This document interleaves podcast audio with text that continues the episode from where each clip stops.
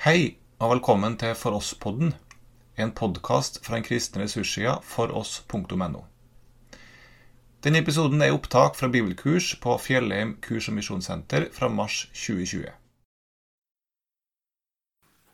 Ja, da er vi velkommen igjen til eh, siste timen i kveld. Eh, dere har god møtekondis, det må jeg si. Og eh, det er kjekt at uh, dere har det. Uh, vi skal be litt over uh, denne timen også, og den skal som annonsert handle om dåpen. Kjære Jesus Kristus, jeg takker deg for at vi kan få fordype oss i ditt ord. Jeg ber om at du må gi meg det jeg trenger for å tale rett og sant om det temaet vi nå skal bevege oss inn i. Takk, Herre Jesus, at du har gitt oss nådemidlene, og at vi også kan få anse dåpen som et middel du bruker for å føre oss inn i din nåde. Gi oss forståelse av det, Herre Jesus, og la oss forstå litt av hva det innebærer å være døpt for livet vårt og for eh, troen vår. Amen. Det er altså dåpen som er temaet i denne timen, og faktisk også neste time. Så jeg kommer til å fortsette med litt om dåpen også da i morgen formiddag. Men eh, kanskje det mest sentrale og viktigste som er å si om dåpen, det skal jeg prøve å få sagt i kveld. Og så får vi gå videre med det til eh, i, i senere. Eh, jeg hadde en mailveksling med Tor Fremmegård med tanke på hva jeg skulle ta for meg når jeg var her oppe. Og eh, jeg sa det til han at jeg hadde lyst til å si litt om nådemidlene. Og eh, nå er vi halvveis med det temaet. Og eh, jeg var jo ikke klar over det da vi gjorde den avtalen, at det skulle bli såpass mye debatt og fokus på dåpen som det har blitt. Og da har jeg vel tenkt i ettertid kanskje det, kanskje det er veldig aktuelt å si noe om det. Ehm, vi skal ikke gå så mye inn i det som er blitt debattert, men vi kan vel ikke ha vi kan ikke gå, ikke gå, kan ikke gå oss hus forbi heller at det har vært en del fokus på det. Det kom en bispeuttalelse om dåpen som vakte en del oppmerksomhet. Og det har kommet noen debattinnlegg i den forbindelse. Og nylig så leste jeg en, ja, en, en kommentar til dette, skrevet av en av våre fremste teologer i et kirkelig blad. Og jeg stusset litt når jeg leste det. Hva er det egentlig hva er man tror eller sier om dåpen, egentlig? Eh, tenkte vi bare kunne si litt om det i begynnelsen. Eh, dåpen har fått oppmerksomhet, og eh, når man da skal prøve å si noe om dåpen, ja, så sies det samtidig noe om frelsen. Og når det sies noe om frelsen, ja, så lytter man jo. Hva er det frelsen består i? Nå er ikke alt sagt med det som står her, eh, fra den personen som har skrevet det, men eh, jeg stusser litt ved det. Jeg må få lov å si det. Dette er jo offentlig, det som er skrevet. Frelse innebærer nemlig ikke et brudd med det menneskelige, men en fornyelse og virkeliggjøring av det sant menneskelige. Gud vil ikke gjøre oss til noe annet enn mennesker, men til hele mennesker. Frelse handler ikke bare om et evig liv langt der fremme, men også om Guds nærhet og kraft midt i hverdagen. Det handler om trygghet midt i en utrygg verden, om håp der håpløshet rår. Og kristendommen og dåpens budskap er en slik kraft. Trygghet og håp ikke er Trygg og, og håp ikke er noe, noe vi skal fremskaffe selv, men at det er noe som gir oss av nåde i Jesus Kristus. Jeg er på en måte enig med noe av det som står her, men samtidig så syns jeg kanskje at det, det viktigste ved dåpen ikke trekkes fram. Og hva er det dåpen handler om? Det handler faktisk om en frelse som går utover det å bli et helt menneske, når man bruker det uttrykket. Det handler faktisk om å gå fra død til liv. Det handler om å få syndenes forlatelse og frelse fra Guds dom over våre synder. For det er det nådemidlene er gitt for, og det gjelder også dåpen. Og det tror jeg vi må prøve å våge å si veldig tydelig eh, når vi da først skal si noe om dåpen. Dåpen gir frelse fra Guds dom over synden. Det er voldsomt sagt, men det er faktisk det som blir tydelig når vi begynner å bevege oss inn i Bibelens, det Bibelen sier om dåpen. Og det skal vi jo gjøre i denne timen. Eh, vi skal gå gjennom, eller være innom flere bibeltekster. Og det er et ganske stort lerret å bleike når vi først skal snakke om dåpen. Men det er jo særlig to tekster i Skriften som, eh, som er ganske grunnleggende for eh, hvordan vi forstår dåpen og tenker om den. Det er teksten i Matteus 28, 19-20, og så er det teksten i Markusevangeliet, kapittel 16, 16. Eh, vi kaller de tekstene for innstiftelsestekstene. Og eh, grunnen til at vi bruker det uttrykket, det er det at vi tror at dåpen er innstiftet. Og da kan man jo lure på hva legges i det uttrykket 'innstiftet'? Det er et uttrykk som er valgt for å vise at Jesus Kristus faktisk har pålagt oss å døpe. Han har innsatt dåpen som en ordning, et medium for sin frelse, og han har innstiftet den i den forstand at han har gjort den effektiv. Han har innstiftet det som en ordning som innebærer at hver gang det utføres en dåp, ja, så er det Guds nåde som formidles. Det er en ordning der hvor den frelsen som Skriften og Ordet tales, taler om, formidles i rammen av en bestemt seremoni. Der hvor det uttales bestemte ord, og der hvor det knyttes løfter til disse ordene. Eh, gå ut og gjør alle folkeslag til disipler, sier Jesus idet dere døper dem til Faderen, Sønnens og Den hellige ånds navn, og lærer dem å holde alt det jeg har befalt dere, og ser jeg med dere alle dager inn til verdens ende. Så det er altså noe som pålegges den troende kirke. Den skal bære dåpen med seg, og eh, her står det faktisk gjøre alle folkeslag til disipler. Ehm, hva innebærer nå det? Ehm, hvis vi skal få en viss forståelse av dåpen og hva den går ut på, ja, så er det lurt å ta et lite tilbakeblikk i evangeliene og ehm, sammenligne den dåpen som Jesus innstiftet etter sin død og oppstandelse, vel å merke, at vi sammenligner den eller ser den i lys av det vi kaller for Johannesdåpen. Um, Johannesdåpen er en slags foreløpig dåpshandling. Uh, den omtales i kapittel 3 i Matteusevangeliet særlig.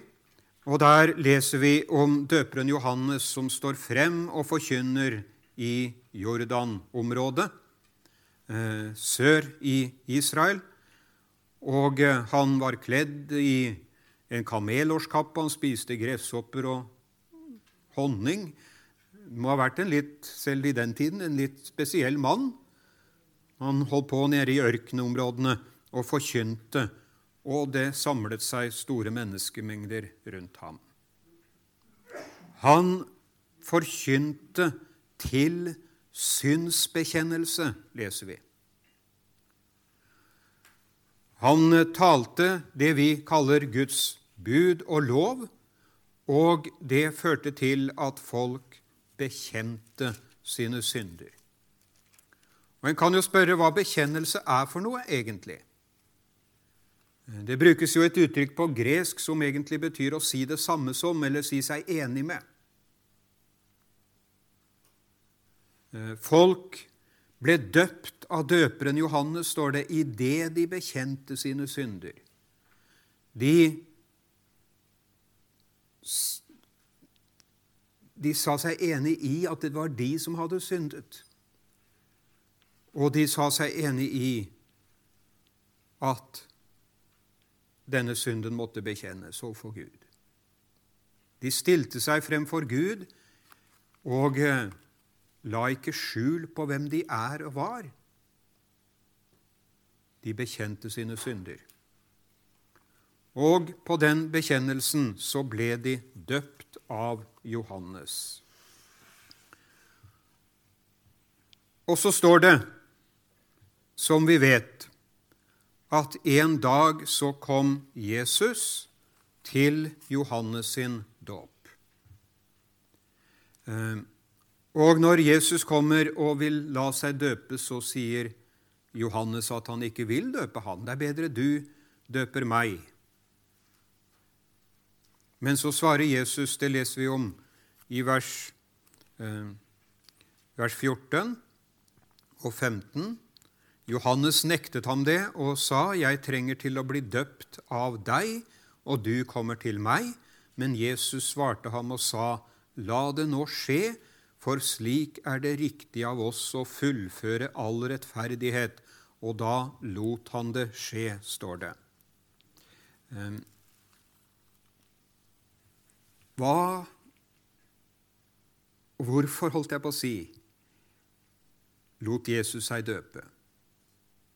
Johannes' dåp det var en foreløpig dåp som skulle erstattes av den dåpen Jesus innstiftes, men det var nødvendig, sier Jesus, at han gikk inn under Johannes sin dåp.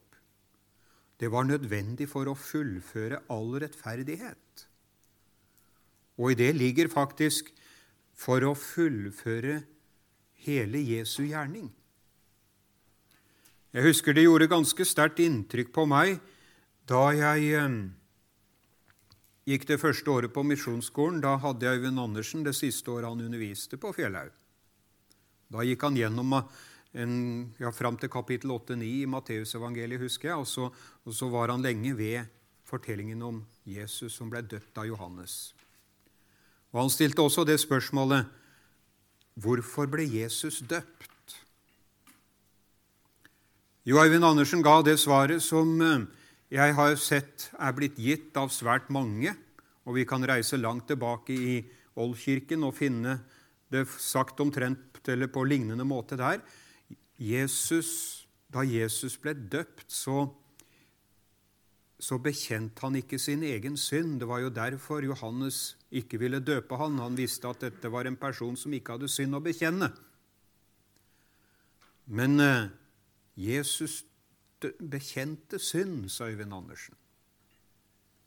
Han bekjente i den forstand at han tok vår synd på seg. Eh, der var han både ypperste prest og offerlam. Han er, ble det Guds lam som bærer verdens synd.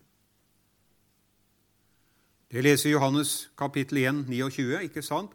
Det er eh, sagt omtrent ifra den samme tids, tidspunktet, vil jeg tro. Det tales, skrives om det i Johannes-evangeliet at, eh, at døperen Johannes Det står om han også i første kapittel i Johannes-evangeliet at han står og peker på Jesus Kristus og sier, 'Se der Guds lam, som bærer verdens synd'. Så en kan jo tenke litt på de menneskene som, eh, som eh, eh, hadde bekjent synd og blitt døpt på sin synsbekjennelse. En kan diskutere hva dåpen, Johannesdåpen gav, men den pekte i hvert fall fremover mot en som skulle komme. Men før Jesus kom, så måtte det jo være sånn for dem at de stilte spørsmålet hva skal jeg gjøre med synden min som jeg har bekjent, og som jeg har blitt døpt til?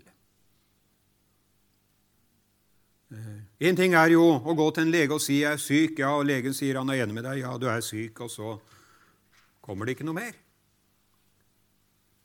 En annen ting er at legen sier 'Jeg har den hjelpen du trenger'.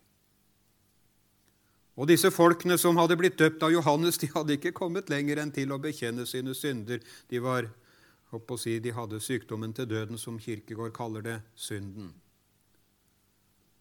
Men de ventet på at det skulle komme én. Og det var ikke helt klart for dem hvem det var, og hva han skulle gjøre. Men så kommer han. Og så bekjenner han deres synd som sin. Og så stiger han opp av Jordanelven.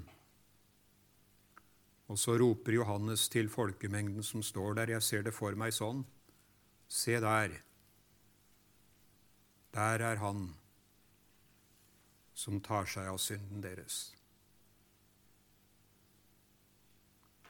Den synden du har bekjent, den har han tatt på seg. En av kirkefedrene skriver om Jordanelven, den skitne, mørke Jordanelven, og sammenligner den med synden. Og Han sier det at Jesus gikk inn da han ble døpt av Johannes, ja, så ble han druknet ned. Synden flomte over ham, og så ble han reist opp igjen. Jesu dåp Jesus taler jo om det han spør sine disipler kan dere døpes med den dåp jeg skal døpes med. Jesu dåp var på en måte en foregripelse av det som var målet med Jesu liv. Han skulle senkes ned i syndens hav. Han skulle la alle syndens konsekvenser flyte over seg. Og han skulle ta og sone og betale og seire over det alt sammen. Jesu dåp foregriper Jesu død og oppstandelse. Det er det ganske viktig å være klar over for å forstå hva dåpen er.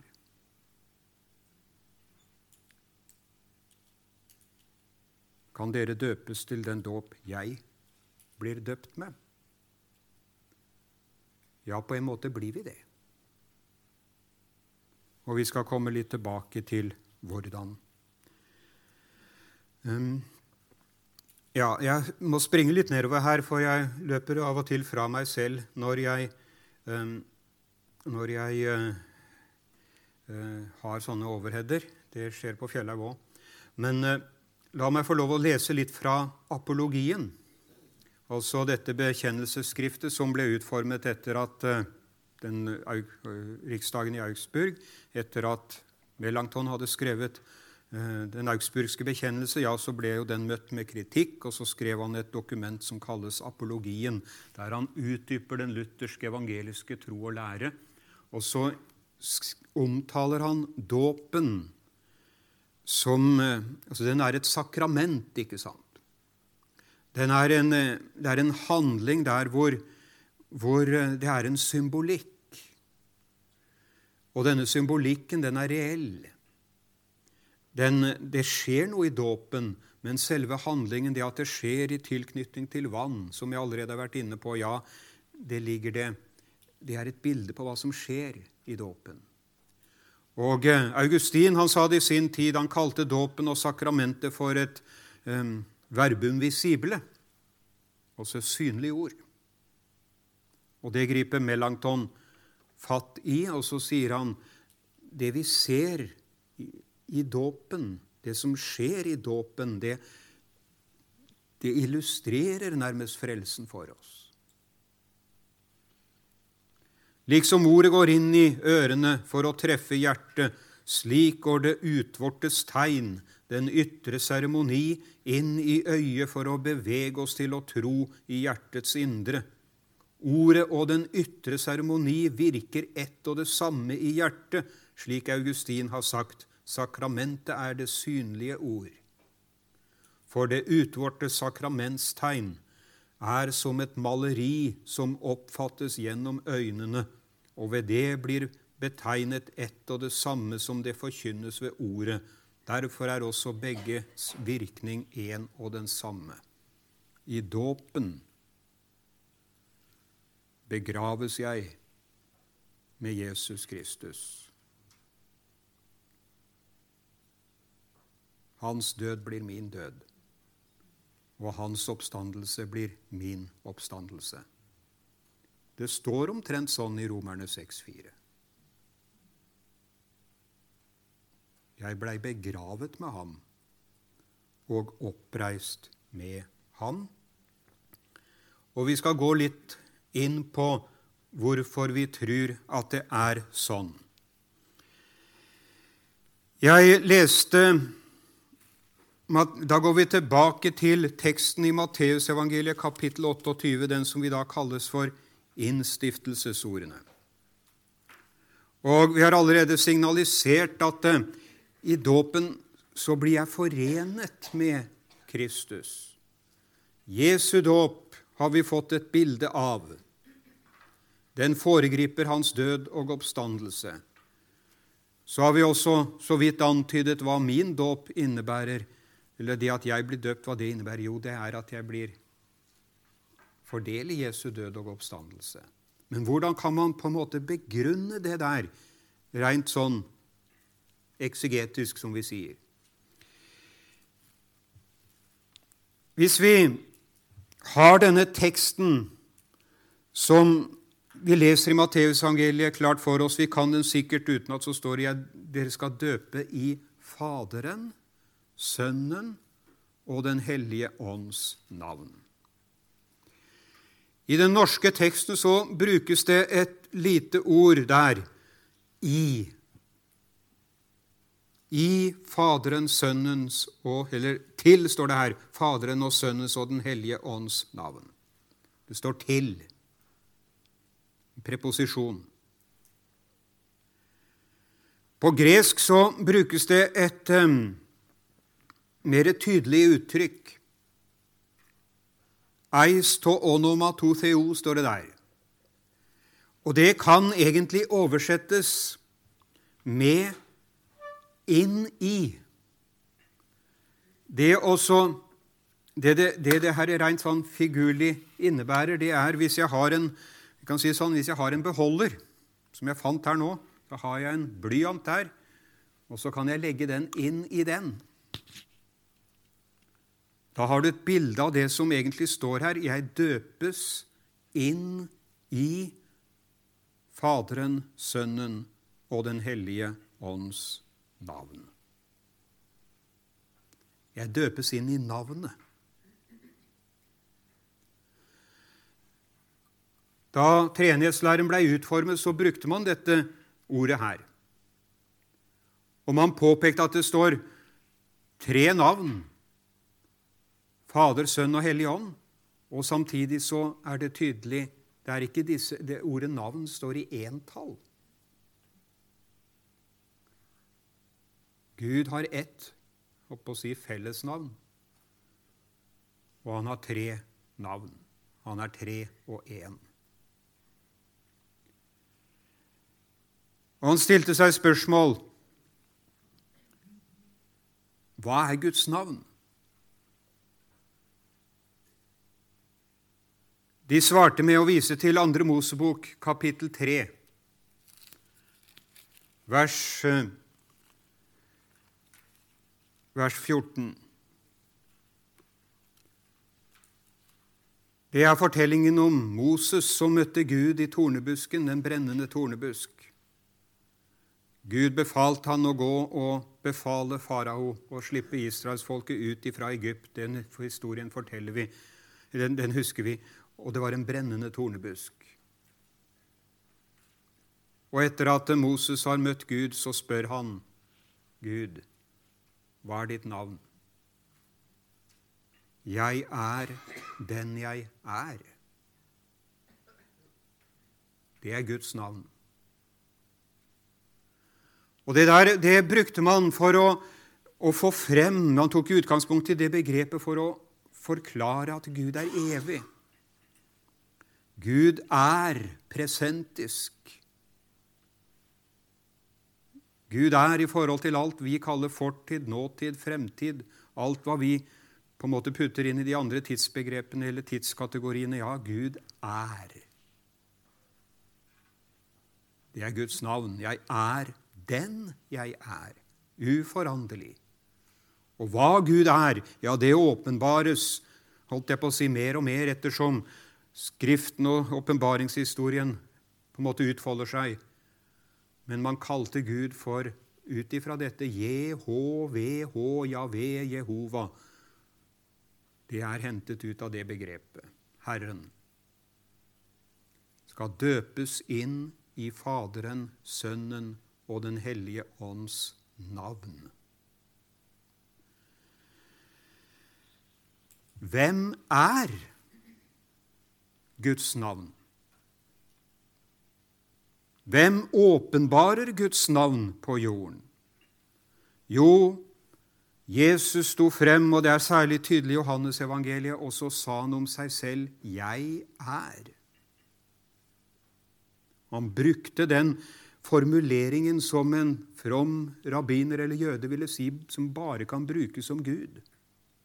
Han står frem som Gud, som åpenbaringen av Gud på jorden. Og når Jesus sier vi skal døpes i Faderens, Sønnens og Den hellige ånds navn, så kan vi også si at det er å bli døpt i Jesu navn. Det har undret meg av og til når jeg leser i apostelgjerningene. Der ser vi at de blei døpt til Jesu Kristi navn, eller på Jesu Kristi navn. Og det står jo ikke i motsetning til selve dåpsbefalingen, men det kaster et, et tydeligere lys over hva dåpen innebærer. Etter denne talen som Peter holdt eh, et, på pinsedag, så ja, han konfronterer sine tilhørere med at de har vært med å korsfeste herlighetens Herre Jesus Kristus. Og da de hørte dette, stakk det dem i hjertet, står det, og de sa til Peter og de andre apostlene, Hva skal vi gjøre, brødre? Og Peter sa til dem, Omvend dere og la dere alle døpe på Jesu Kristi navn til syndenes forlatelse. Så det er frelsen som gis i dåpen. Det er til syndenes forlatelse. Som en følge av at Jesus Kristus tok på seg synden i sin dåp og bar den til Golgata, døde og sonet og betalte for den. Som en følge av det så døpes vi til synsforlatelsen. Vi skal døpes inn i Jesu Kristi navn.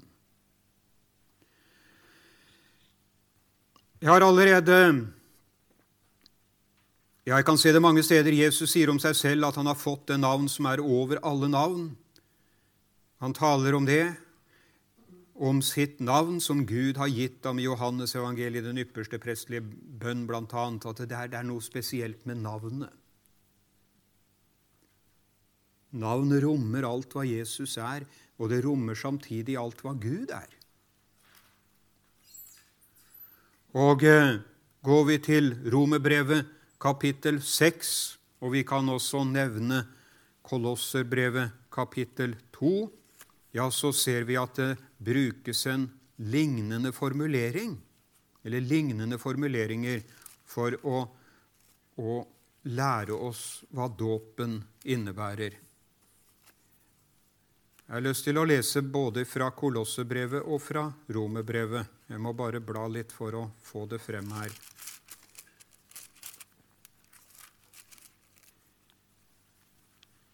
I Romerne 4 så står det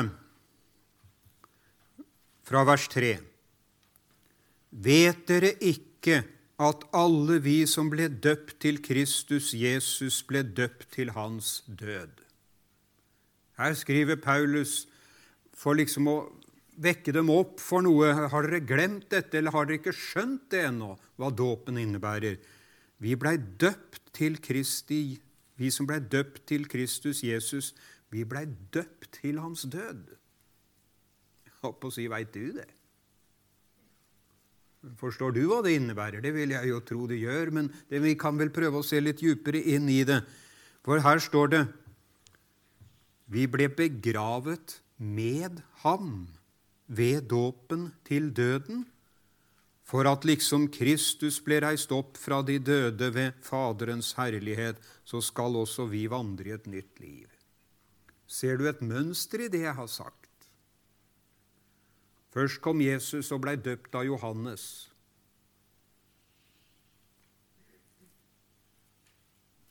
Han blei sank ned i synden, sonet den og gjorde opp for den. Det endte på korset, med død og oppstandelse. Og så kommer du og jeg. Og vi får ordene talt over oss. Og vannet, ja, det helles over oss. Og det som skjer da, det er at jeg, for å bruke et uttrykk fra dataspråket som jeg syns er ganske nyttig akkurat i denne anledning, jeg blir, jeg blir lagt inn i Jesu død og oppstandelse.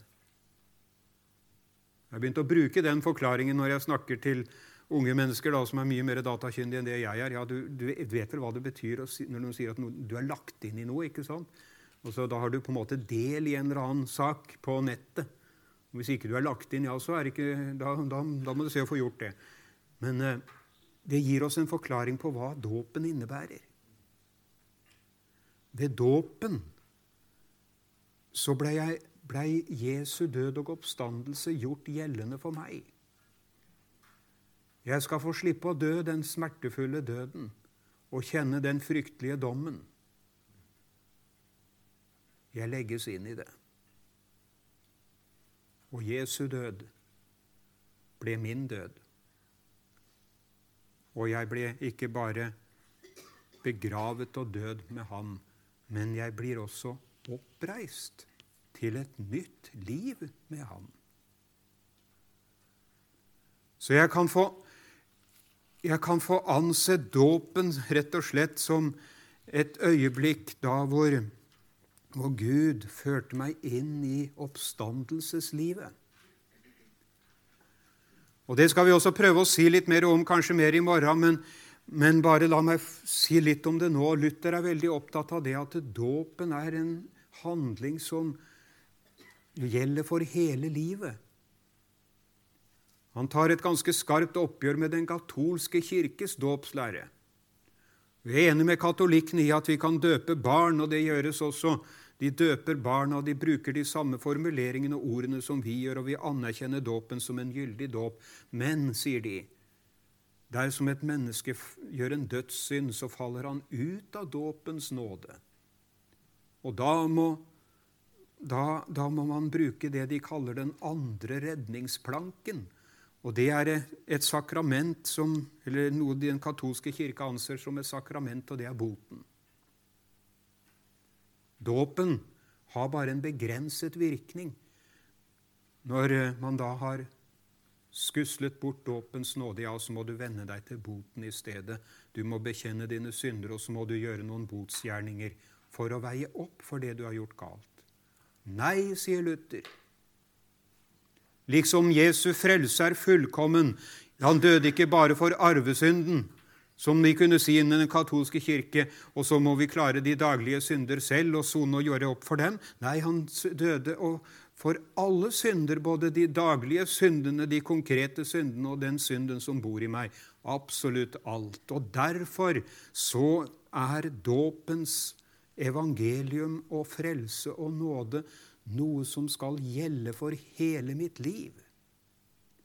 Ja, hva består nå denne nåden i? Jo, den består ganske enkelt i den nåden som, jeg, som blir forkynt meg i evangeliet.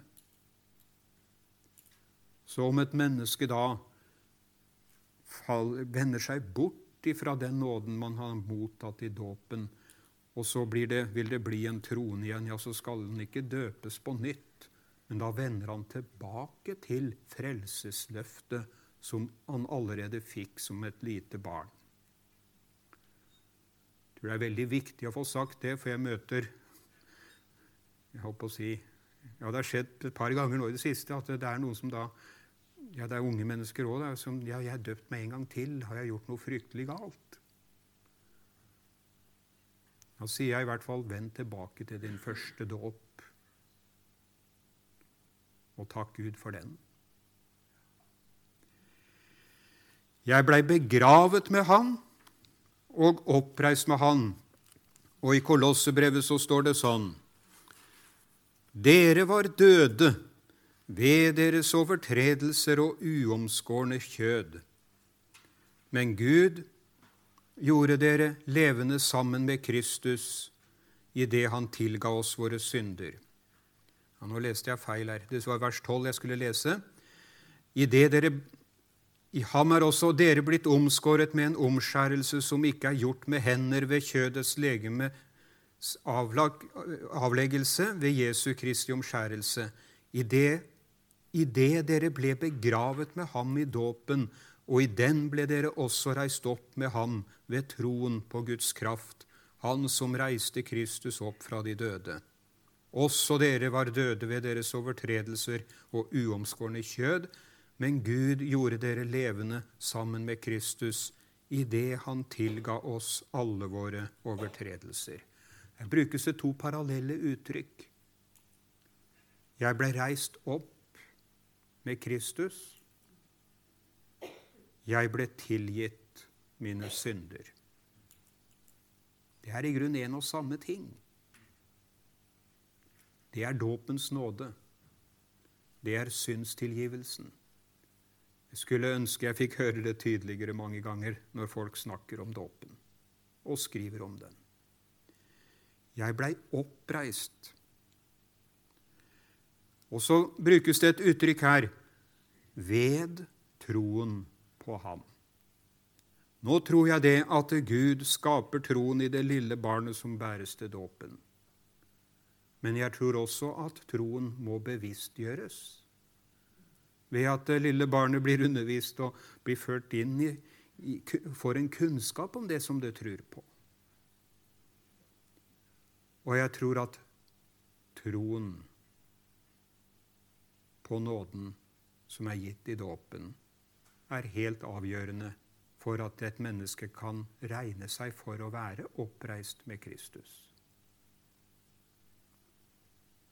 men kan ikke redusere dåpen bare til en slags seremoni som ikke følges av en, en, si, en etter hvert bevisst forhold til Jesus Kristus.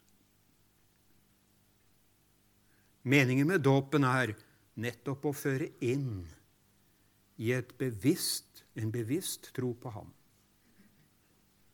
Og dersom den troen blir borte, ja, så er man egentlig også borte fra dåpens nåde. Vi blei oppreist sammen med Han ved troen. Er det noen oppreisning uten tro? Nei, det tror jeg ikke. Uh, har jeg Guds tilgivelse? hvis jeg ikke bekjenner synden eller ikke tror på den? Nei, det tror jeg ikke. Derfor så peker dåpen faktisk si, over på, på selve ordet som jeg lever ved som en kristen. Dåpen er som et maleri, skrev Melanchthon. Selve handlingen den eh, har en symbolikk i seg. Jeg ser på en måte hva som skjer. Ned i vannet. Jeg dødes og druknes, holdt jeg på å si, sammen med Kristus, og jeg reises opp. Det er et maleri, et bilde. Og jeg tror vi kan tenke litt på det når vi ser et lite barn som blir døpt. Men så må han også føye til det er mye mer enn symbolikk. Det er realitet. Det skjer virkelig. For Det er det som står i romerbrevet her. Jeg ble begravet med ham. Jeg ble oppreist. Det at det er symbolsk, utelukker ikke at det også er reelt. For selve bildet viser til noe reelt. Og det gjør, det er det, sånn er det, som Melanchthon da skrev, for at troen skal skapes og holdes i live. Det går inn gjennom øynene. Jeg ser det som skjer. Det går inn gjennom ørene fordi jeg også hører det. Og det stadfester troen. Jeg tror vi setter punktum for denne delen av, av, av dåpen, eller jeg skal gå gjennom av dåpen nå, og så, så ber vi sammen helt til slutt. Kjære Jesus Kristus, takk for at du har gitt oss dåpen, og med den også ført oss inn i samfunnet med din død og oppstandelse. Jeg takker deg, Herre Jesus, for at jeg kan regne meg selv for å være død for mine synder. At den straffen som du tok for det, også er min. At jeg kan regne med deg som min forsoner. At jeg kan regne med at jeg selv kan få gå fri. Og jeg takker deg, Herre Jesus, for at jeg også kan anse meg for å være oppreist til et nytt liv i deg. Jeg takker deg for denne dagen og for den nåde du har gitt oss, at vi kan få møtes og være sammen som brødre og søstre i troen på deg. Be om at du vil velsigne samværet og dagene vi skal ha fremover, også i ditt navn. Amen.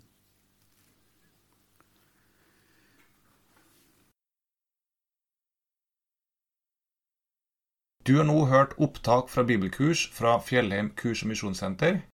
Du finner mange andre opptak med undervisning på foross.no.